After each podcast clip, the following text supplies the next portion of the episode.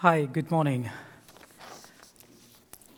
My name is Peter Majid, and uh, today I'm gonna share my testimony.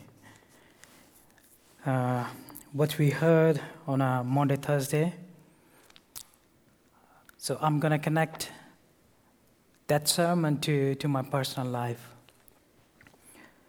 Many of you were here on, uh, on a mon- uh, Thursday, and uh, you heard that we learned how Jesus he taught his disciple how to be a servant. That text and plus one more uh, text from Philippians chapter 2 from verse 1 to 11 it's, uh, it's my favorite. And these two texts and the other texts from the Bible, they changed my life.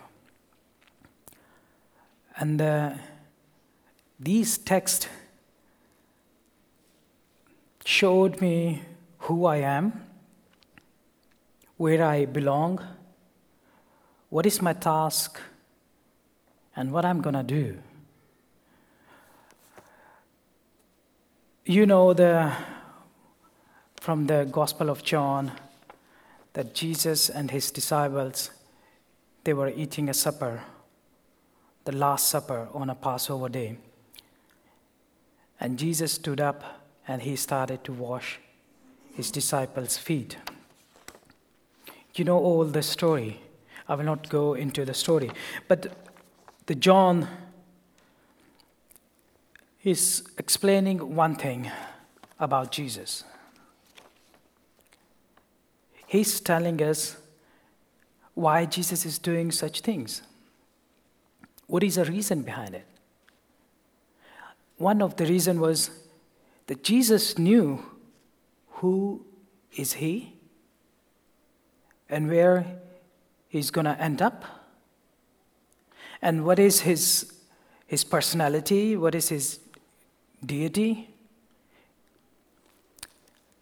So it made it easier for Jesus to carry out the work and to, to be a servant for others. And that was the reason he knew who is he. And he didn't care that even if he go down and wash others' feet, it will not affect his, his character, his personality, his deity.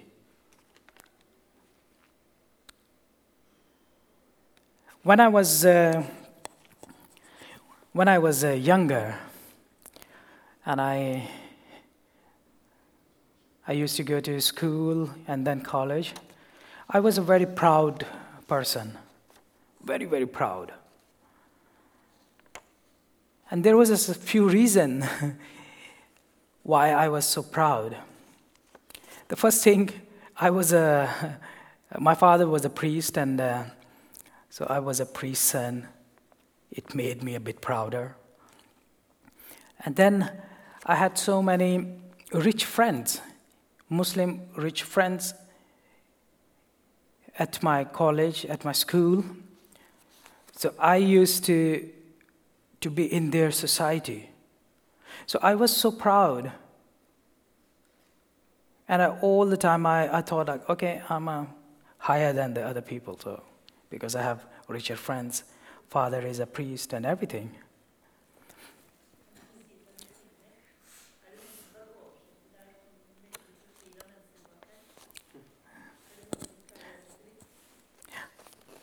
Look, yeah, yeah. Yeah, I can speak. I can speak slowly. Yeah, it helped me when I read from the gospel to see myself who I am. Det å lese i evangeliene hjalp meg til å se hvem jeg var. And when I was studying uh, a law, God changed me. Og mens jeg studerte juss, så forandra Gud meg. And I started to realize I'm living a fake life. Og det gikk opp for meg at jeg lever et falskt liv. Because I don't have a destiny, Fordi jeg har ikke en skjebne, and I don't belong to a, a real society or real roots. En gang til. I don't belong to a root. Uh, my roots are not visible. Jeg er på en måte rotløs, eh, har ikke noen tydelige røtter. And then I read from uh, Philippians chapter 2, verse 5. Så leste jeg fra Filipperne, eh, kapittel 2, vers 5. Let this mind be in you, which was also in Jesus Christ. La dette sinn være i dere, som også var i Jesus Kristus. And I started to think, what is a Jesus mind? What is a Jesus attitude? Så begynte jeg å tenke på hva, hva er det som karakteriserer Jesus sin tenkemåte hans holdning. He's a Lords of Lord and Gods of God. Han er herrenes herre og Gud over alle guder. But even then, he's washing his disciples' feet. Og likevel så vasker han disiplenes føtter. It made me to think about myself. Og det fikk meg til å tenke på meg sjøl. Why I am so proud of I don't have anything. Hvorfor er jeg så stolt? Jeg har ikke noe sånt å vise til. So that was the point God started to change me. And I became more humble and more servant. Og så begynte Gud å forandre meg, og jeg ble mer ydmyk og mer tjenestevillig. And the second thing, God changed me Og den andre tingen som Gud forandra ved meg, He taught me how to forgive. han lærte meg hvordan jeg kan tilgi. When you are a proud person, it's, it's so difficult to forgive. Når du er en stolt person, så er det veldig vanskelig å tilgi. You don't accept your, your fault, your, your failures. Eh, Du vil helst ikke forholde deg til dine egne feil eller mangler. When my church got burned down in 2012, Når min egen kirke ble brent ned i 2012, that was the time to show my faith in a practical way. så var det en mulighet for meg til å vise troen min på en praktisk og konkret måte. You asked me earlier this uh, morning, how is it uh, when people are persecuting you, how you feel? Du, du spurte meg tidligere i dag uh, hvordan, hva som skjer, og hvordan folk opplever det når de blir forfulgt. People usually revenge, take revenge, or forgive. Tar de da hevn, eller tilgir de de som forfølger de? When my church got burned down, the Muslim society and the other people in, the, in, the, in, in Pakistan, they were expecting that we're going to react violently against Muslims. Når vår kirke ble brent ned, så forventa muslimer i området at vi kom til å reagere med vold og med hevn. And they thought we're going maybe attack somebody or something, but we went totally on a different way. Og De tenkte at vi kom til å angripe noen eh, eller et eller annet sted, men vi valgte å gå en helt annen vei. We, we published one statement in the newspaper Vi eh, publiserte en, eh, en uttalelse eh, til den lokale avisa, nyhetsavisa. and we wrote, We forgive you people, not because we are afraid of you, but because of love of Christ. Og I den uttalelsen så skrev vi at eh, vi tilgir dere, ikke ut av frykt fordi vi er redd for dere, men pga. vår kjærlighet til Kristus. That was the, the first time I saw change in my, in my life, in my attitude. that God totally changed me. A person was proud, never wanted to forgive. He gave this statement I forgive you. Og, og gjennom det så, så jeg hvordan Gud hadde forandra meg. Og eh, gjort at jeg, som var en så stolt person, kunne gå til det skrittet og tilgi noen som gjorde noe sånt. And that's how I, I see uh, my life in the light uh, how Jesus washing his disciples' feet. Og på den måten så ser jeg livet mitt i lys av det Jesus gjorde når han vaska disiplenes føtter. And now I, every day I try to, to change, not change, but try to go closer and closer to, to Jesus to, to have his attitude. Og nå prøver jeg hver dag å komme nærmere Jesus og nærmere hans tankemåte, hans holdninger. and to be a more servant. Og bli mer en tjener for folk rundt. Thank you. Takk.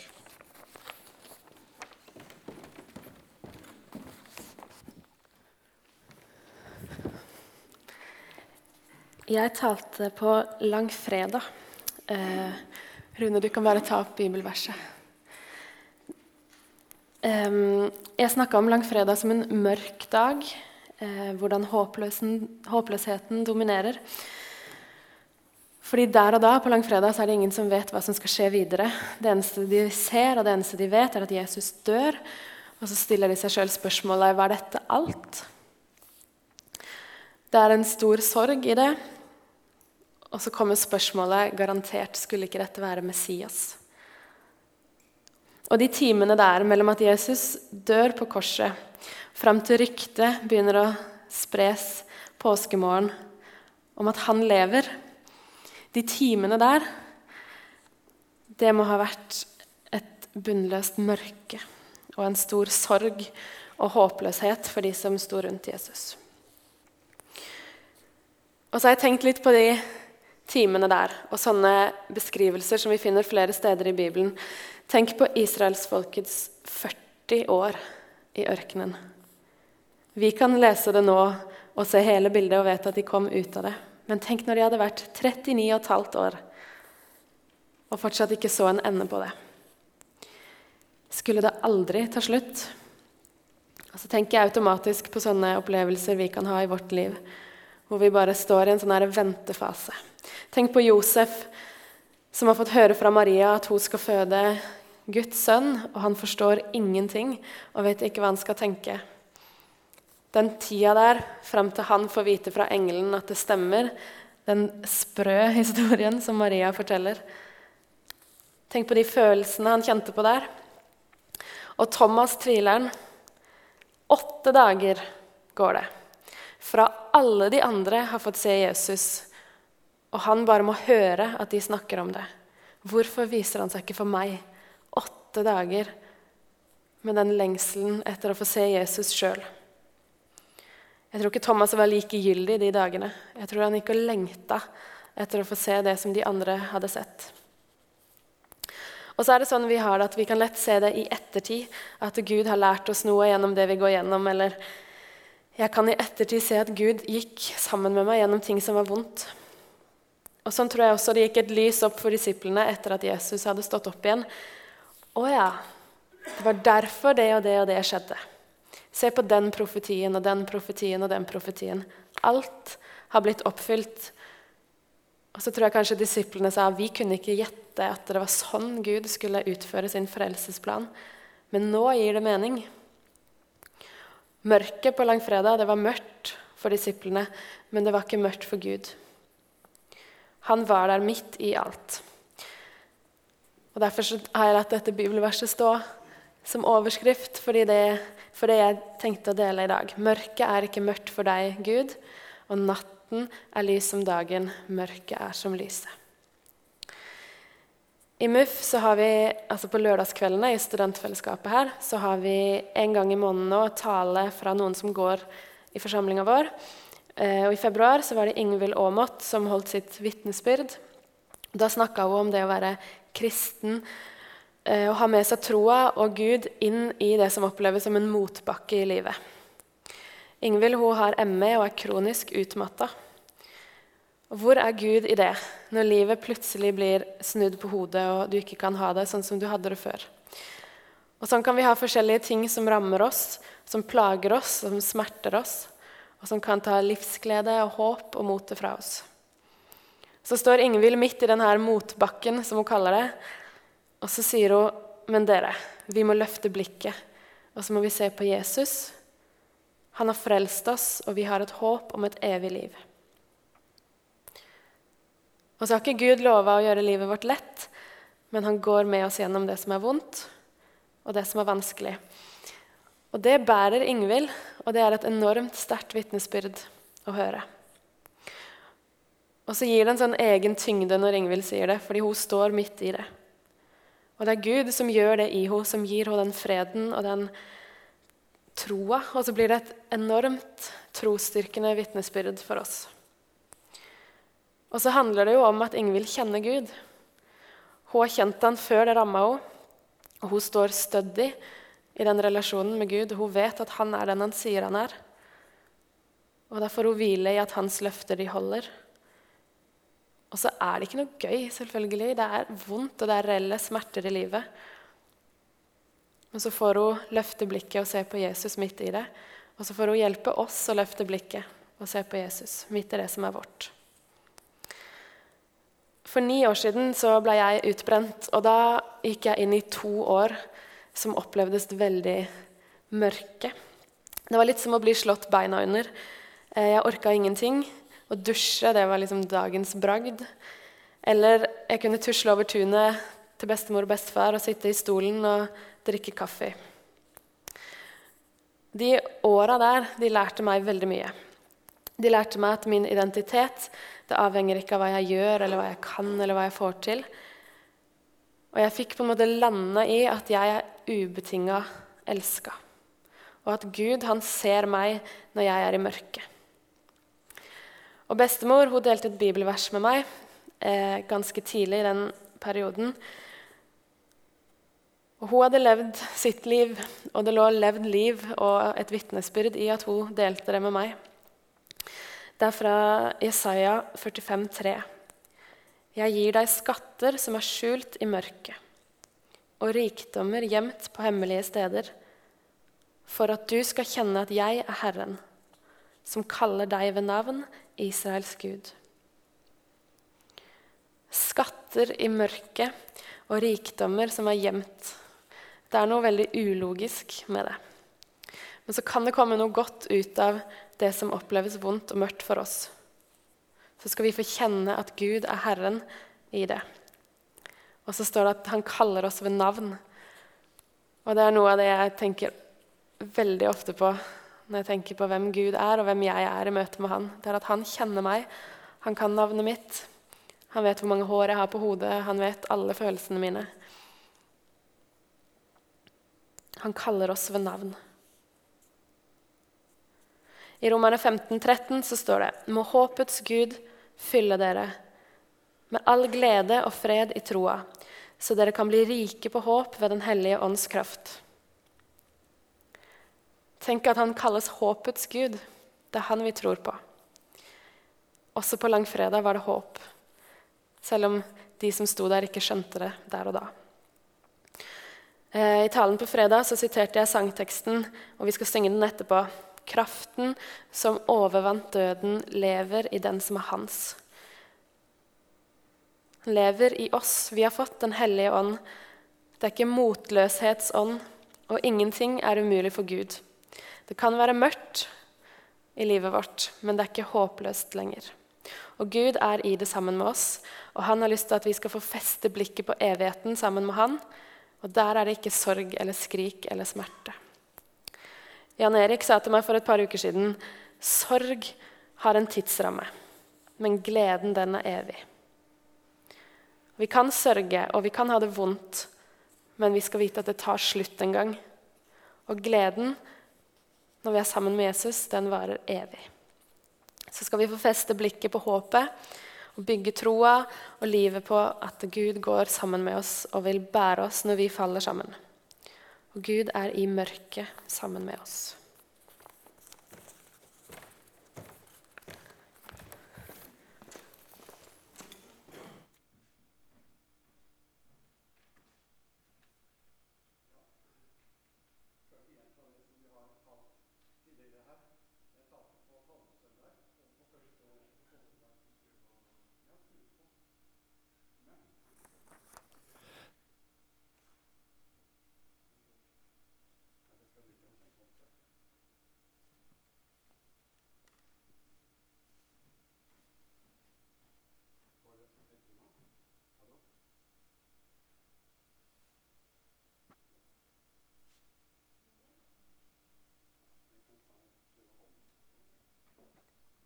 Hører nå? Går det bra? Ja, nå. Jeg talte på palmesøndag og på første påskedag. Og Jeg skal ikke gjenta de to talene. Men eh, poenget med dette her var at vi skulle komme med et vitnesbyrd og hva som har betydd noe for oss, og hva som har talt spesielt til oss denne påsken. Og det har jeg fått høre to flotte vitnesbyrd allerede. På palmesøndag, når jeg arbeidet med den teksten, så var det jo om eh, Maria fra Betania. Og eh, det som eh, talte litt til meg, det var hennes kjærlighet til Jesus. Da hun eh, salvet Jesu føtter med en salve som kostet en årslønn. Og som jeg så vidt nevnte da, så var det en av de tolkerne eller bibelutleggerne som jeg leste på forhånd da jeg forberedte meg, som sa det at det Maria gjorde denne, da hun salvet Jesu føtter Hun salvet jo til Jesu gravferd, sier Jesus. Det var en guddommelig, intuitiv handling, sa denne tolkeren. En guddommelig, intuitiv handling. Ja, det hadde jeg aldri tenkt over før. Og jeg gikk og tenkte en del på hva kan det bety. Hva er det? Kanskje det er det som de gamle kalte for minnelser, tenkte jeg på. Kanskje det var Hun var på rett tid. Rett sted til rett tid. Og det er en hemmelighet. Å være på rett sted til rett tid. Et guddommelig øyeblikk. Det er noe fantastisk da den salven som hun hadde. Hun, hun, hadde ikke lagt en plan, tror jeg, men det var en indre drivkraft, en minnelse. Og så har jeg tenkt er dette noe som vi har glemt? Er det noe som vi burde tenke over? Er det slik at Gud minner oss om noe? Og det kan jo Jeg vil si ja. Og minnelsene kan alltid prøves på noe. Det kan prøves på om det er i samsvar med kjærlighet. Med Guds kjærlighet. Og Gunnar, som eh, var forgjengeren min Jeg prata mye med han i lunsjen og mange andre ganger. Og så snakket vi en gang om kjærlighet. Kristen kjærlighet. Og da sa han at Guds kjærlighet, den kjærlighet vi har til Jesus, den skal kanaliseres til mennesker. Alltid, sa han, skal den kanaliseres til andre. Det har Jesus sagt. Og i dag så er denne Maria-kjærligheten fra palmesøndag og denne salvinga av Jesu føtter og de minnelsene som vi har, det er at vi skal være gode mot de andre og salve dems føtter. Det har talt til meg. Og så tenkte jeg, og var litt personlig, når jeg satt og forberedte dette Hva vil du minne meg om nå, da, Gud? Og så kom det for meg akkurat den dagen at jeg skulle kjøpe en blomsterbukett til et menneske som jeg har en relasjon til. Og jeg ble så, og så traff jeg det mennesket. Jeg hadde kjøpt den og la den i bilen. Traff det mennesket og ga den blomsterbuketten. Og så snakket jeg med en annen nå i påsken.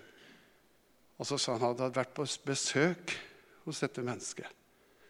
Og så det første hun hadde gjort, det var å vise til den blomsterbuketten som hun hadde fått av meg. Jeg tenkte at det betydde ikke noe, men det hadde betydd så mye. Kanskje det var en bitte liten, bitte, bitte liten minnelse fra en som burde ha gjort sånt så mye, mye, mye mer.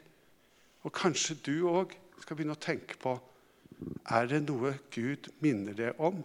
Er det noe Gud minner oss om å gjøre for hverandre?